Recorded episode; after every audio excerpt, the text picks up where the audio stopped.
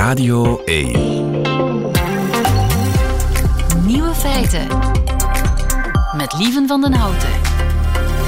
Dag en welkom bij de podcast van Nieuwe Feiten, geïnspireerd op de uitzending van 8 juni 2023. In het nieuws vandaag dat Japanners tegenwoordig iemand betalen om in hun plaats ontslag te nemen. Japanners zijn altijd heel formeel en beleefd, zeker op het werk. En ontslag nemen is gênant en lastig voor Japanners. Dat ondervond ook Toshiyuki Nino toen hij ontslag wilde nemen. Hij vond het vreselijk stresserend en ging met een groot schuldgevoel naar huis. Had ik maar iemand om in mijn plaats ontslag te nemen, dacht hij. En toen kreeg hij een idee. Ik kreeg gewoon een bedrijfje op dat exact dat doet: ontslag nemen in jouw plaats. Exit heet het bedrijf en de procedure is simpel. Je betaalt 150 euro en dan contacteert het bedrijf jouw werkgever om ontslag te nemen. Ze regelen alle papierwerk voor je en houden je ver weg van alle stress. Het is een succes. Exit nam het voorbije jaar 10.000 keer voor iemand ontslag. En gelijkaardige bedrijfjes schieten als paddenstoelen uit de grond. Kijk, Japan. De andere nieuwe feiten vandaag. Pedagoog Pedro de Bruikere heeft een gouden tip voor blokkers. Relatiedeskundige Rika Ponet geeft antwoord aan de vraag van Caroline, die geen seksuele opwinding voelt voor haar bijzonder leuke kandidaat verloofde. De Hongaren hebben geen geld meer om te trouwen en werkloze Chinese jongeren met een topdiploma die moeten gaan boeren, vindt Xi Jinping. Grof geschud, die hoort u in hun middagjournaal. Veel plezier. Nieuwe feiten.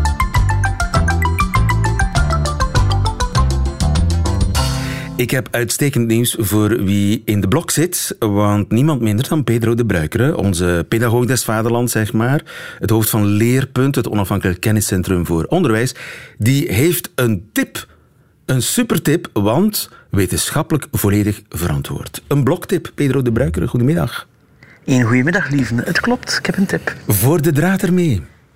Wel, we weten al heel lang dat iets uitleggen aan iemand anders heel erg helpt om te studeren en om te onthouden. Want je moet de leerstof opnieuw schikken en daardoor moet je heel diep nadenken en daardoor onthoud je het beter. Ja, ja. maar, dat is niet de tip, mag ik hopen, want dat kan ik zelf wel verzinnen, Pedro. Dat weet ik. Maar nu hebben onderzoekers iets gedaan. Ze hebben uh, drie groepen genomen. Eén, ze moesten allemaal naar een video kijken met hele moeilijke leerstof en daarna moest één groep het uitleggen aan één persoon. Een andere groep moest het uitleggen aan zeven personen. Maar de laatste groep die moest er een, een video van maken. Gewoon zichzelf filmen terwijl ze het uitlegden. En ze keken naar welke groep eh, onthoudt het meest. En dat bleek de videogroep te zijn. Wauw. Dus als ik iets echt goed wil begrijpen en onthouden, dan moet ik het aan mijn telefoon uitleggen. Moet ik een selfie-video maken eigenlijk, terwijl ik het uitleg? Ja, je filmt jezelf terwijl je het uitlegt. Die video kan dan zogezegd virtueel nog gebruikt worden voor anderen. Hoeft niet eens. Maar de onderzoekers waren slim. Die hebben ook gekeken van hoe komt dit? Ja. Hoe komt dit, Pedro? Wel, als je het aan iemand uitlegt, ja, dan ga je misschien wel wat meer stress hebben. Terwijl dat als je dat op een video doet, dat er minder stress is. Hebben gekeken naar de hartslag bijvoorbeeld. Mhm. Maar ook, het kan ook zijn dat terwijl je naar de anderen kijkt, dat je afgeleid wordt door hun mimiek, door wat ze zeggen of door hoe ze reageren. En dat komt dan ook, ja, je bent daar mee bezig met daar aandacht aan te geven, waardoor dat je niet bezig bent met terug de inhoud. Dus er komt meer plaats vrij in jouw brein om echt met de inhoud bezig bezig te zijn, waardoor je die beter onthoudt. Ja, dus het is simpel verklaarbaar hoe het komt dat als je uh, de, de, de stof die je moet leren, als je die kunt reproduceren in een filmpje dat je zelf maakt, dat is de beste manier om het te onthouden. Dat is een zeer goede manier. Er zijn nog heel veel andere manieren, maar voor de mensen die nu in tijdsnood aan het geraken zijn voor een examen, probeer dit. Pedro de Bruikere, namens alle studerenden uh, die nu zitten te luisteren, zeer veel dank. Graag gedaan. Succes. Vraag het aan Rika.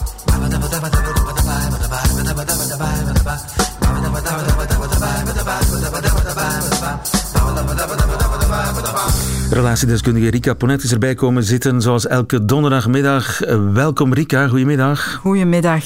Rika, ik heb een vraag. Ik pik er eentje uit de stapel vragen, want ze stromen gestaag binnen. Mhm. De relatiekwesties, de knopen, de dilemma's die moeten doorgehakt worden op familiaal niveau of tussen vrienden. Maar ik pik de brief eruit van Caroline. En Caroline schrijft het volgende. Het is een korte brief, maar niet minder interessant daarom. Ik heb twee bijzonder leuke ontmoetingen gehad met een man die net wat jaren ouder is, schrijft Caroline. Ik ben 45 en hij 62. Allebei hebben we geen kinderen. Alleen word ik niet onmiddellijk fysisch warm van hem. Is dat iets wat nog kan komen? Of moet dat lichamelijke vonkje er toch zijn van in het begin? Kijk, Carolien, dat vind ik nu een Dat is- interessante kwestie. Dat is zoiets wat... eh, Ik zie het zo voor mij. Carolien en laten we hem Bert noemen. Of Benny van 62. En ze hebben een fantastische tijd. Lachen, lachen. Heerlijk, heerlijk. Oh, wat, wat leuk. Maar ja, de seksuele opwinding is er bij haar niet. Wat, wat denk je zelf, leven?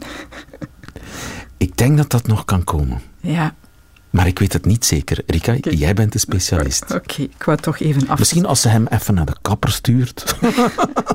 of, of in bad. De stylist. Ja, dat weet ik veel. Ehm, ja, het is inderdaad een heel korte vraag, maar daar zitten heel wat vragen onder. Eh, heel wat hersenspinsels ook, denk ik. Ehm, en eh, de vraag die zij eigenlijk stelt is, moet er van bij aanvang een fysieke klik zijn in een relatie, of in een contact? Hè? Want het is, het is eigenlijk nog een datingcontext. Hè? Ze hebben Ja. twee leuke ontmoetingen gehad, bijzonder leuke ontmoetingen. Moet liefde op het eerste gezicht zijn? Ja, dat is een eng scenario. Eh, dat is ook al heel breed onderzocht. Ik krijg die vraag nogal eens eh, ook bij mij in de praktijk eh, gesteld. En ehm, ik weet uit breed onderzoek eh, dat eh, het merendeel van de liefdesrelaties niet eh, tot stand komen via een instant crush. Hè. Zo, Ah. hè, nee. Liefde op het eerste gezicht? nee, meer dan... Dat is niet standaard. Nee, 65% ongeveer van de relaties ontstaan maar of komen er maar, en ook met verliefdheid, nadat mensen elkaar al een tijdje kennen. Aha. En daar zit een logica in. En niet iedereen, eh, ja, je moet je, om verliefdheid te ervaren, mensen denken dat overvalt je of dat overkomt je. Daar moet ook een vorm van openheid zijn om verliefdheid te kunnen ervaren of toe te laten. Maar je voelt toch binnen de nanoseconde of je iemand seksueel aantrekkelijk vindt of niet? Dat is misschien bij jou zo, lieve, maar... Eh, misschien is dat bij mij ook zo, maar dat is zeker niet bij iedereen zo. Sommige mensen... ehm, Het en is niet altijd mensen- zo. Het is niet altijd zo. altijd zo. Eén, Soms geen- kan je iemands kan zo aantrekkelijkheid plots beginnen zien. Dat is wel waar. Voilà, dat is zeker zo. Hè, die instant crush. Maar het ene type mens zal dat sneller meemaken dan het andere type mens. En waar gaat dat dan over? We weten dat mensen die nogal, wat men dan in het Engels noemt, sensation seekers zijn, also degene die nogal impulsief, impulsief emotioneel reageren op dingen, kick zoeken, dat die dat veel sneller toelaten. En iemand die wat meer nood heeft aan controle vanuit zijn persoonlijk functioneren, eh, dat ook niet zo makkelijk toelaat. Dus alvorens eh, men iemand dan binnenlaat, toelaat, ook die emoties toelaat, moet men een stukje een gevoel van veiligheid ervaren. En dat komt er maar doordat er vertrouwen is en doordat men iemand wat langer kent. Het maakt natuurlijk ook heel sterk deel uit van de beeldcultuur waarin wij leven. Hè. Eh, kijk naar de meeste romantische filmscenario's, eh, naar liedjes daarover. En dan gaat het bijna altijd eh, over eh, ja, de X eh, ontmoet Y. En De vlam de, in de de vlam pan. slaat in de pan en het, vuur, en het licht gaat schijnen enzovoort en zo zijn verder. Ja. Hollywood-scenario's die ver Ja. van de realiteit staan. Die, die een deel van de realiteit zijn. En wat ik wel merk in mijn praktijk is als mensen daar heel hard naar op zoek gaan en dat eigenlijk als het enige scenario hanteren, dat daar heel vaak een vorm van onzekerheid onder zit. Men heeft dan schrik om in een relatie te stappen en ik denk dat dat hier toch een stukje van toepassing is.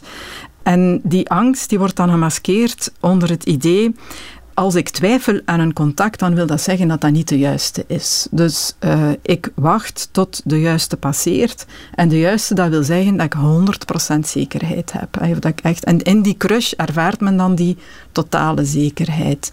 Uiteraard weet je niet zeker in een crush. Een crush is wat is. Een crush, hè, dat is een, Kan ook heel Ehm, snel en overgaan. Dat kan even snel overgaan. Bovendien weten we, en daar, dat is ook onderzocht, dat of je relatie start vanuit een scenario met een crush of vanuit een scenario ik ken iemand al wat langer en dan ben ik pas verliefd geworden, dat de relatiekansen eh, op slagen eh, even groot zijn. Dus dat het ene scenario niet leidt tot een eh, betere relatie dan het andere scenario. Dus twijfel beide- is goed. Ja, ehm, daar is niks mis mee. Hè. Nu, dat, eh, dat is een soort drempel die zij, heb ik het gevoel, eh, inbouwt. Hè, want wat lezen we of wat horen we?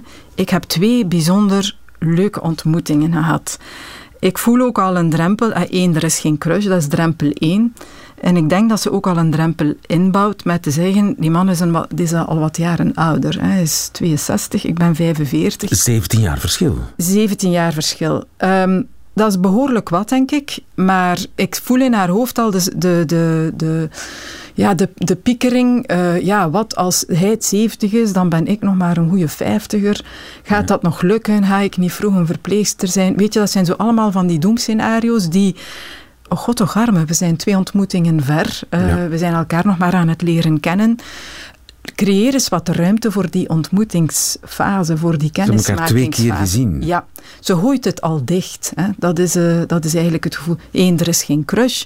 Hè, dus ik twijfel al, kan dat nog komen? En ik voel eigenlijk niets, dat is wat ze ook zegt. En twee, ja, hij is toch wel wat ouder. En je voelt zo alle drempels die ze eigenlijk al voor zichzelf inbouwt. Ehm, Dus jij denkt, Caroline, ga ervoor. ja, maar ook oordeel niet zo snel. Daar waar je start met te oordelen of jezelf vast te zetten in een bepaald idee over die andere, stopt eigenlijk de waarneming. En, ehm, Laat het gewoon gebeuren. ja, creëer je geen ruimte om de andere toe te laten, maar sluit je die ruimte net af. Bovendien sluit je ook bij jezelf een ruimte af om tot gevoel te komen. Ik, ik krijg soms mensen langs die zit zeggen, vast in allerlei iets- scenario's. Ja, die- in dat hoofd. Ja. Ehm, eh, ik voel het niet, ik voel het niet, ik moet het voelen en ik ga op date en dan voel ik het niet en ik moet het voelen. Als je zo jezelf onder druk zet om iets te voelen, dan komt dat gevoel niet. Dat is angst. Hè. Ik moet het voelen, want als ik het niet voel, wil het zeggen dat het niet de juiste is. Gevoel, dat komt er maar als je bij jezelf ook een vorm van rust, ruimte creëert, zodanig dat die gevoelens ook ruimte krijgen en ehm, de kop kunnen opsteken. En dat is wat zij op dit moment niet doet. Weet je, zie die man gewoon verder. Eh, dat hoeft niet de man van je leven te worden. Eh, dat is ook geen trouwengagement verder afspreken. Ehm, maar sta jezelf toe van die beter te leren kennen. Misschien wordt het een vriend, misschien eindigt het na een aantal dates. En misschien, komt wordt het wel de man de van je lichamelijke vonk. Misschien komt de lichamelijke vonk wel, maar eh hun jouzelf die scenario's, daar Ja. gaat het over. Eh, dus verbreed eh, je, je mogelijkheden, verbreed je scenario's door in het leren kennen van mensen, van mannen, open te staan voor ehm, al die verschillende mogelijkheden. Caroline, ik wens je veel succes. Dankjewel voor je vraag. Als er nog mensen zijn met een vraag voor Rika, die zijn natuurlijk eh, zeer welkom. Die vragen op uh, nieuwefeiten.radio1.be. En tot volgende week. Nieuwe feiten.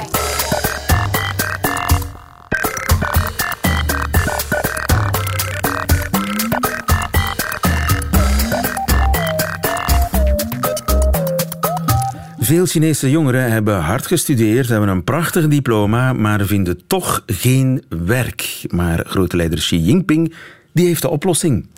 Namelijk ga boeren. Vele de Vos, goedemiddag. Goedemiddag. Gaat het zo slecht in China? Ja, er is heel veel werkloosheid onder de jongeren en dat is uitzonderlijk. Um, ik las dat op dit moment één op de vijf jongeren tussen 16 en 25 in de grote steden werkloos is. En dat is ongezien. Dat hebben we de afgelopen jaren in China niet meegemaakt. Dus dat is wel uh, ja, onrustwekkend, denk ik. Ja, want corona is voorbij. Je zou dan denken, de economie veert op. Ja, daar leek het ook op. De eerste uh, maanden, hè, dus die uh, zero covid is opgeheven begin dit jaar ongeveer. Maar uh, ja, de laatste maanden gaat het niet meer zo vlot. Uh, de exportcijfers vallen tegen. De vastgoedsector zit nog altijd in het slop. En in China is dat traditioneel de motor van de economie. Goed voor veel werkgelegenheid, maar ook heel veel inkomsten. Je hebt ook um, ja, een enorme toename van het aantal studenten. Um, sinds ja, begin jaren 90, denk ik, heb je ja, zijn er al maar meer Chinese jongeren die gaan studeren. Uh, er zijn al maar meer colleges, universiteiten opgericht. Uh, dat is allemaal heel goed. Maar tegelijkertijd, uh, en dan moeten we opnieuw naar Xi Jinping kijken, ja, is eigenlijk, zijn de sectoren waarin die jongeren traditioneel aan het werk gaan, hebben het moeilijk. ik weet niet of je dat herinnert, maar Xi heeft de afgelopen jaren een soort kruistocht ondernomen tegen de privésector. Uh, de techsector bijvoorbeeld, de videogamesector is aan banden gelegd. Je hebt ook um, de privé onderwijssector, de opleidingen naast de gewone scholen. Want Chinese jongeren moeten allemaal bijstuderen. Daar was ook een hele arbeidsmarkt. En dat zijn eigenlijk sectoren waar traditioneel jongeren aan het werk gaan. Ja, en die zijn eigenlijk uh, platgelegd, laat ons maar zeggen, Waarom? door Xi Jinping. Um, ja, omdat hij vond... Uh, ja, aan de ene kant, als het dan gaat over dat privéonderwijs, uh, dat dat um, ja, allemaal niet nodig was. Hè, dat dat uh, de, de gewone uh, universiteiten, colleges moeten volstaan, want dat er ja, te veel geld wordt uitgegeven. En ja, videogames en de techsector, die kregen allemaal te veel, te veel macht. Die videogames zijn niet goed voor de moraal van de jongeren. Enfin, te westers Jinping, allemaal. Ja, allemaal te westers. Dat zijn dingen die aan banden heeft gelegd. En ja, dan zie je dus nu voor het eerst eigenlijk dat er dus een hele generatie jongeren, pas afgestudeerden, geen werk vinden. En er komen dit jaar, of straks in juni, maar liefst 11,6 miljoen van die nieuw afgestudeerden bij in China. Dus het gaat altijd om enorm veel volk. En dus die jongeren zijn ongerust, ja, dat klopt. En op het land is er werk genoeg op de rijstvelden? Hmm, dat is ook relatief. Um, maar het is wel zo, ja, dat is traditioneel, als er dan in de steden minder werk is, uh, dat er wordt gezegd, ga naar het platteland. En dat is eigenlijk iets wat ja, in China al heel lang gebeurt. Uh, ik herinner mezelf, toen ik daar in de jaren negentig uh, les gaf aan studenten, dat er ook campagnes werden gevoerd van, eh, ga allemaal naar Tibet om de arme Tibetanen uit, de, uit de, de modder te trekken. Ga naar het platteland om je nuttig te maken. Handen uit de mouwen handen uit de mouwen. Um, dat is eigenlijk dat... een heel Chinese traditie om, om dan op het platteland te gaan, hard gaan werken. Hard te gaan werken. Het gaat vooral om, om hard te worden, om, um, om een hard vel te kweken. En in het Chinees noemen ze dat chiku. En dat betekent eigenlijk uh, bitterheid eten, uh, ontberingen doorstaan, moeilijkheden verbijten. En waar kan je dat het best? Dat kan je het best op het platteland. En Xi Jinping heeft dat zelf ook gedaan tijdens de culturele revolutie. Hè? Dus die Oei. hele campagne van Mao in de jaren 50, ja, van de jaren 60, jaren 70, hè, toen heel veel, um, ja, onder andere Xi Jinping zijn vader in ongenade was gevallen.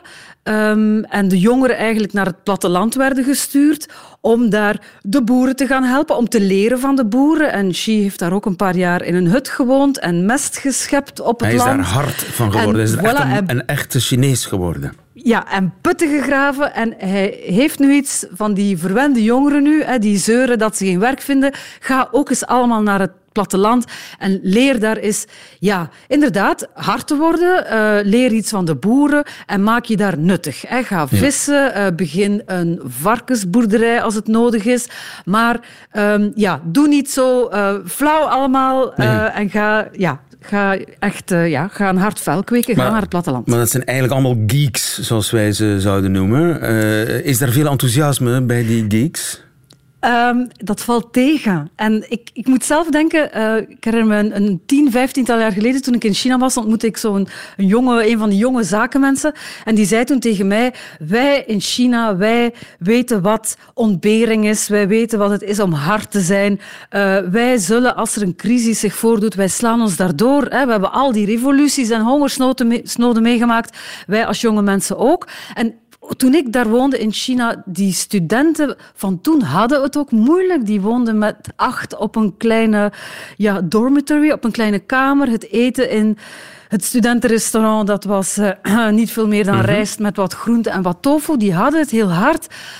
Maar de huidige generatie niet. Dat is eigenlijk de eerste generatie jongeren die zijn opgegroeid in luxe, denk ik. Die het eh, goed hebben gehad. In, in, in ja, jongeren waarin de ouders, en eh, vaak bijna altijd enige kinderen, waarin de ouders en de grootouders alle, alles hebben geïnvesteerd. Gezorgd dat die hebben kunnen studeren, dat die het goed hebben, dat die kunnen reizen. En ik vrees dat deze generatie jongeren heel weinig zin heeft om nog die tjekoe, die bitterheid te gaan eten op het platteland. Ja, en dat is een potentiële ja, bron van een eh, conflict. Aan de ene kant die die zegt van jullie moeten hard worden. En aan de andere kant ja, die, die luxe paardjes die zeggen van zeg, ik naar het land, het zal wel. Ja, en, en ook ze, ze, doorzien, ze doorzien een beetje wat er uh, gebeurt. Hè. Dus uh, ze zeggen ja, uh, jullie sturen ons naar het platteland, maar eigenlijk willen jullie daarmee, ja, hoe zal ik het zeggen, de oorzaken van wat er misgaat verbergen. Hè. Het zijn wij niet die de schuld zijn, omdat we te westers zijn. Want voor Xi Jinping ja, staat ja, we in de stad willen leven en het goed willen hebben gelijk aan Westers zijn. Het zijn wij niet die de schuldigen zijn, het zijn jullie, hè, wiens beleid uh, fout loopt. En dan moeten we weer terugdenken aan november. Hè. November, uh, op het einde van dat hele, hele zero-covid-beleid, zijn er ook een hoop mensen en vooral jongeren op straat gekomen, studenten op straat gekomen, om ja, uh, hervormingen te eisen, om het aftreden van Xi te eisen. Dat was ongezien. Dus ik kan me voorstellen dat Xi Jinping dit weer niet graag ziet. Hè. Ja. Uh, die, ja, een generatieconflict eigenlijk. Ja, een generatieconflict. En, en dat is denk ik ook um, het gevaarlijke. Ik heb het gevoel dat Xi de, de voeling aan het verliezen is met de jongeren. De voeling met zijn eigen jonge bevolking. Ik had het daarnet over die videogames die hij aan banden legt. De popcultuur is niet goed. Hij heeft het tegen al die, die moderne gender... Uh, um, ja, hoe zal ik het zeggen? Uh, zij noemen dat ide ideologie, noemen zij dat, hè? genderideologie. Ja, voilà, dat is ook allemaal westers. Uh, daar is hij tegen. Maar ja, je kan natuurlijk met propaganda veel doen, maar ik kan me voorstellen op een bepaald moment dat een jonge generatie, een goed opgeleide generatie, iets heeft van, ja, waar, waar is die leiding, waar is die leiding in Peking mee bezig? En dan komt ja, het pact in China onder druk te staan. En het pact is eigenlijk ja, dat de bevolking zijn lot in handen heeft gelegd van die communistische partij, van die ene leider, op voorwaarde dat het goed blijft gaan, dat het al maar beter gaat, hè, dat er een toekomst is voor de jongeren in China. En dat is natuurlijk ja, heel gevaarlijk. Ja, ja duidelijk. Vele de Vos, dankjewel. Goedemiddag. Radio 1. Nieuwe feiten. De Hongaren die hebben geen geld meer om te trouwen. Mark Middel, goedemiddag. Goedemiddag. Je bent Oost-Europa-correspondent van NRC, de Nederlandse krant. Het is dus geen kwestie van willen, maar van kunnen. Ja, dat klopt. Uh, ik was uh, afgelopen weken in Budapest en uh, ik wilde een verhaal maken over de hoge inflatie. Want wat er in Hongarije aan de hand is, is dat daar echt een enorm hoge inflatie is. Meer dan 25 procent in het eerste kwartaal 25 procent, dat is gigantisch, ja, dus, hè? Ja, dus wij hebben in, in België en in Nederland hebben we al hoge inflatie. Maar dus in Hongarije is het nog de hoogste van de Europese Unie. En ik dacht, hoe kan ik nou een verhaal maken dat niet gaat over de boodschap en de supermarkt, maar over wat ook echt heel belangrijk is voor mensen in Hongarije. En dat is uh, de bruiloften en de huwelijken. Dat, is, en dat, dat zit in hun cultuur. Ze willen absoluut met alles erop en eraan en toeters en bellen en veel bombardie trouwen. Ja, ten allereerste is het heel belangrijk voor een cultuur. Uh, het is het belangrijkste feest van je leven. Uh, de gasten die naar je feest komen, die moeten ook het mooiste feest van je leven gevierd hebben. Dat ten eerste. Maar daarnaast is er de afgelopen tien jaar ook iets interessants gebeurd in Hongarije. Want sinds premier Viktor Orbán aan de macht is, heeft hij geprobeerd om het aantal huwelijken te laten stijgen. En dat is ook de afgelopen tien jaar enorm goed gelukt. Uh, het aantal huwelijken is ongeveer ja, met, de, met de helft gestegen. En dat komt omdat als jij in Hongarije trouwt, dan uh, krijg je allemaal belastingvoordelen. Dus het is makkelijker voor je om dan een hypotheek voor je huis te krijgen. Het is makkelijker om uh, loon doorbetaald te krijgen als je kinderen hebt. dus het is niet alleen een soort van cultureel ding om te trouwen, maar het is ook gewoon voor jonge mensen heel erg financieel voordelig om te gaan trouwen. En dat heeft dus de afgelopen tien jaar heel goed gewerkt. En dus de Hongaren zijn eigenlijk kampioentrouwers geweest het voorbije decennium. Ja, ze stonden eerst op de derde of vierde plek een aantal jaar geleden. Maar het afgelopen, nou, wat is het, twee, drie jaar zijn ze naar de, naar de nummer één plek gestegen uh, in de Europese Unie. Dus ja, nu zijn zij toptrouwers uh, van de Europese Unie. Ja, uh, heteroseksueel, wel te verstaan, want homoseksuelen kunnen niet trouwen hè, in Hongarije. Dat, dat is een andere kwestie, een lastige kwestie daar, ja. En ik zou dan zeggen, trouw dan low cost, maar dat gaat kennelijk niet. Nee, dat is mij dus ook opgevallen. Want eh, ik sprak daar bijvoorbeeld met eh, de 30-jarige Naomi. En het was al haar meisjesdroom echt van jongs af aan om te gaan trouwen. En nou, ze had het ook al helemaal bedacht. Dus ze wilde eh, in een bos gaan trouwen. Want daar was ze al een keer geweest. Met een groot kampvuur. Minimaal 100 mensen. Heel belangrijk was dat ze een mooie jurk zou krijgen. Een mooie ring, et cetera, et cetera. En na zes jaar eh, had haar vriend haar eindelijk nou, verloofd en gevraagd. En eh, kon het allemaal gaan gebeuren. Dus het afgelopen jaar hadden we dus de plan om te gaan trouwen. Uh, maar dat moet dan dus wel goed gebeuren. En wat zij merkte, is dat de prijzen eigenlijk bijna elke maand stegen. Uh, dus niet alleen maar van de fotograaf en videograaf, maar ook vooral van het eten, van de locatie. Dus elke keer als ze iets hadden geboekt of hadden gereserveerd en ze zeiden van nou, we komen straks bij u terug als, als we de hele bruiloft willen door laten gaan, dan waren de prijzen alweer gestegen. Dus uh, uh, op een gegeven moment, zij hebben dus twee keer hebben zij een plan gehad om te gaan trouwen. Hadden ze eigenlijk alles al gereserveerd, maar hebben ze het moeten cancelen omdat de prijzen gewoon te erg gestegen waren. En zij zijn lang niet de enige. Uh, het aantal huwelijken in Hongarije is, de, is het, het voorbije jaar echt gekelderd.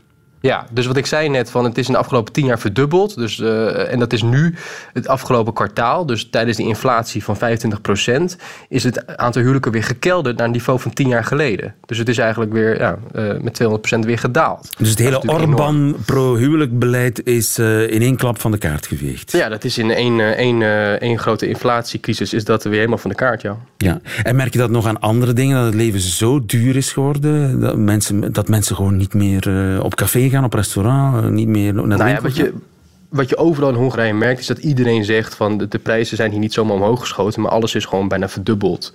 Uh, en dan gaat het om alles. En dat, gaat het om de benzineprijzen, het gaat om huizenprijzen, het gaat om natuurlijk het eten vooral. En dat komt voornamelijk omdat Hongarije heel erg afhankelijk is van, uh, van de import. Dus het is uh, een, een, economie die bijvoorbeeld... Nou, Hongarije staat natuurlijk bekend om het land dat nog steeds Russisch gas haalt. ze zijn voor iets van 75% afhankelijk van het Russische gas. Uh, uh, en daarnaast hebben ze ook voor de landbouwgoederen moeten ze heel erg veel importeren. Want ze maken zelf eigenlijk gewoon te weinig. En daarom zijn ze extra gevoelig uh, voor inflatie of voor dus crisis zoals die de afgelopen jaren zijn geweest. Met eerst corona, daarna de energiecrisis en natuurlijk de invasie van Rusland in Oekraïne. Uh, en merken zij het extra, en misschien wel meer dan, uh, dan wij in, uh, in, Nederland en in België. Ja, en is dat iets wat voor politieke onrust zorgt? Nemen ze dat Orbán kwalijk?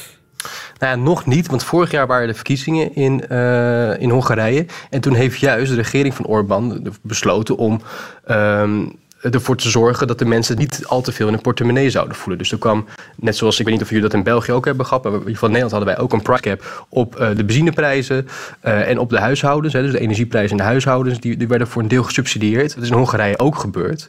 Maar dat heeft er juist toe geleid, uh, zeggen Hongaarse economen, dat de prijzen juist nog meer gestegen zijn. Want uh, mensen uh, die hadden, uh, die kregen immers meer geld om ook uit te geven. Dus hadden bedrijven ook een soort van excuus van ja, nou ja, dan kunnen we ook wel makkelijker die prijzen verhogen. Ja. Dus het beleid van Orbán om de verkiezingen te winnen, wat hij uiteindelijk ook heeft gedaan, hè, het winnen van de verkiezingen, heeft ertoe geleid dat de prijzen eigenlijk nog meer gestegen zijn. Maar de vraag is of dat op lange termijn zo goed voor hem zal uitpakken. Verdubbeling van de prijzen, van veel prijzen in Hongarije, waardoor mensen geen geld meer hebben om te trouwen, wat voor hen zo belangrijk is. Mark Middel in Oost-Europa voor ons, dankjewel. Goedemiddag. Dankjewel.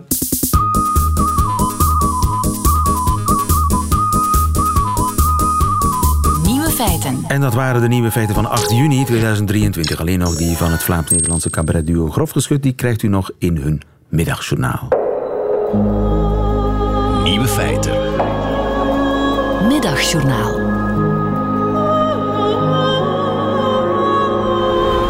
Beste luisteraar, alle respect voor leerkrachten. Hè. Door het lerarentekort totaal overwerkt en overstrest. Maar er moet mij iets van het hart. Kunnen jullie alstublieft stoppen met onschuldige kinderen op te zadelen met een totaal van de pot gerukt wereldbeeld? Ja, Lander heeft gisteren iets ontdekt. Iets ontdekt? Mirte, mijn wereld is fundamenteel veranderd. Ik leef blijkbaar al jaren in een leugen. Altijd even genuanceerd, onze Belg. Beste luisteraar, ik neem u even mee terug naar het derde leerjaar. Ik zit in de klas bij juf Anne. En wat leert je in het derde leerjaar? Uh, weet ik veel, de tafels, de landen van Afrika, hoeveel pennen er in je linkerneus gaat passen? Afstanden. Afstanden. 10 mm is een centimeter, 100 centimeter is een meter, 1000 meter is een kilometer. Helder. Dus ik schrijf dat netjes op. Maar ik ben niet zot goed in de abstractie van wiskunde omzetten naar de echte wereld. Ik heb daar een tastbare vergelijking bij nodig. Ja, dat heeft Lander altijd nodig. Als ik bij een nieuw lied tegen hem zeg dat het goed is, moet hij dat altijd in perspectief kunnen plaatsen. Ja, Niels de Stadspader goed of eerder Ramses Shaffi goed? Bij Lander zijn het ook altijd twee uitersten. Ik steek mijn vinger in de lucht. Juf Anne, hoe ver is een kilometer? Juf Anne, al gewoon dat ik bij het kleinste voorbijdrijvende wolkje al afgeleid ben, zegt... Lander, ik heb dat juist gezegd. Duizend meter. Ja, dat weet ik, maar hoe ver is dat dan? En toen zei juf Anne, het staat in mijn geheugen gegrift, ah wel, dat is van hier aan school tot aan de fun. Eh, ja? Jarenlang. Jarenlang ben ik dus compleet onder de indruk van quasi elke afstand. Vorige week nog, mijn lief, ik ga even vijf kilometer lopen. Vijf kilometer? Dat is vijf keer naar de fun. Dat is keiver.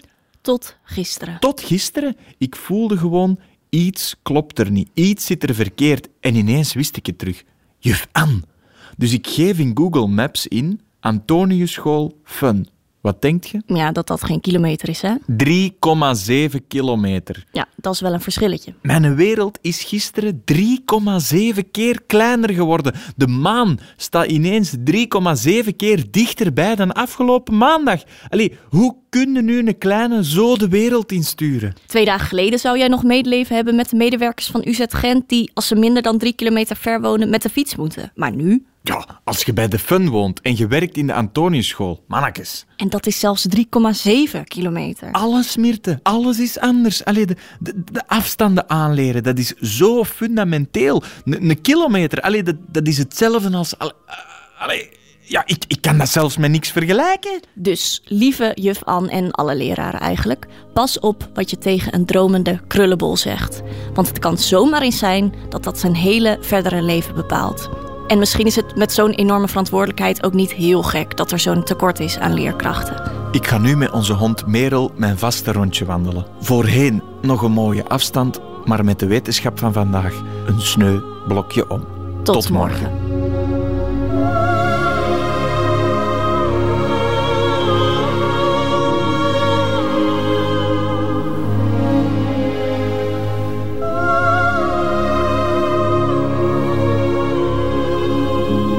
Middagjournaal met grof geschut. Einde van deze podcast. Hoort u liever de volledige nieuwe feiten met de muziek erbij? Dat kan natuurlijk elke werkdag live op Radio 1 tussen 12 en 1 of on demand via de Radio 1 app of website. Tot een volgende keer.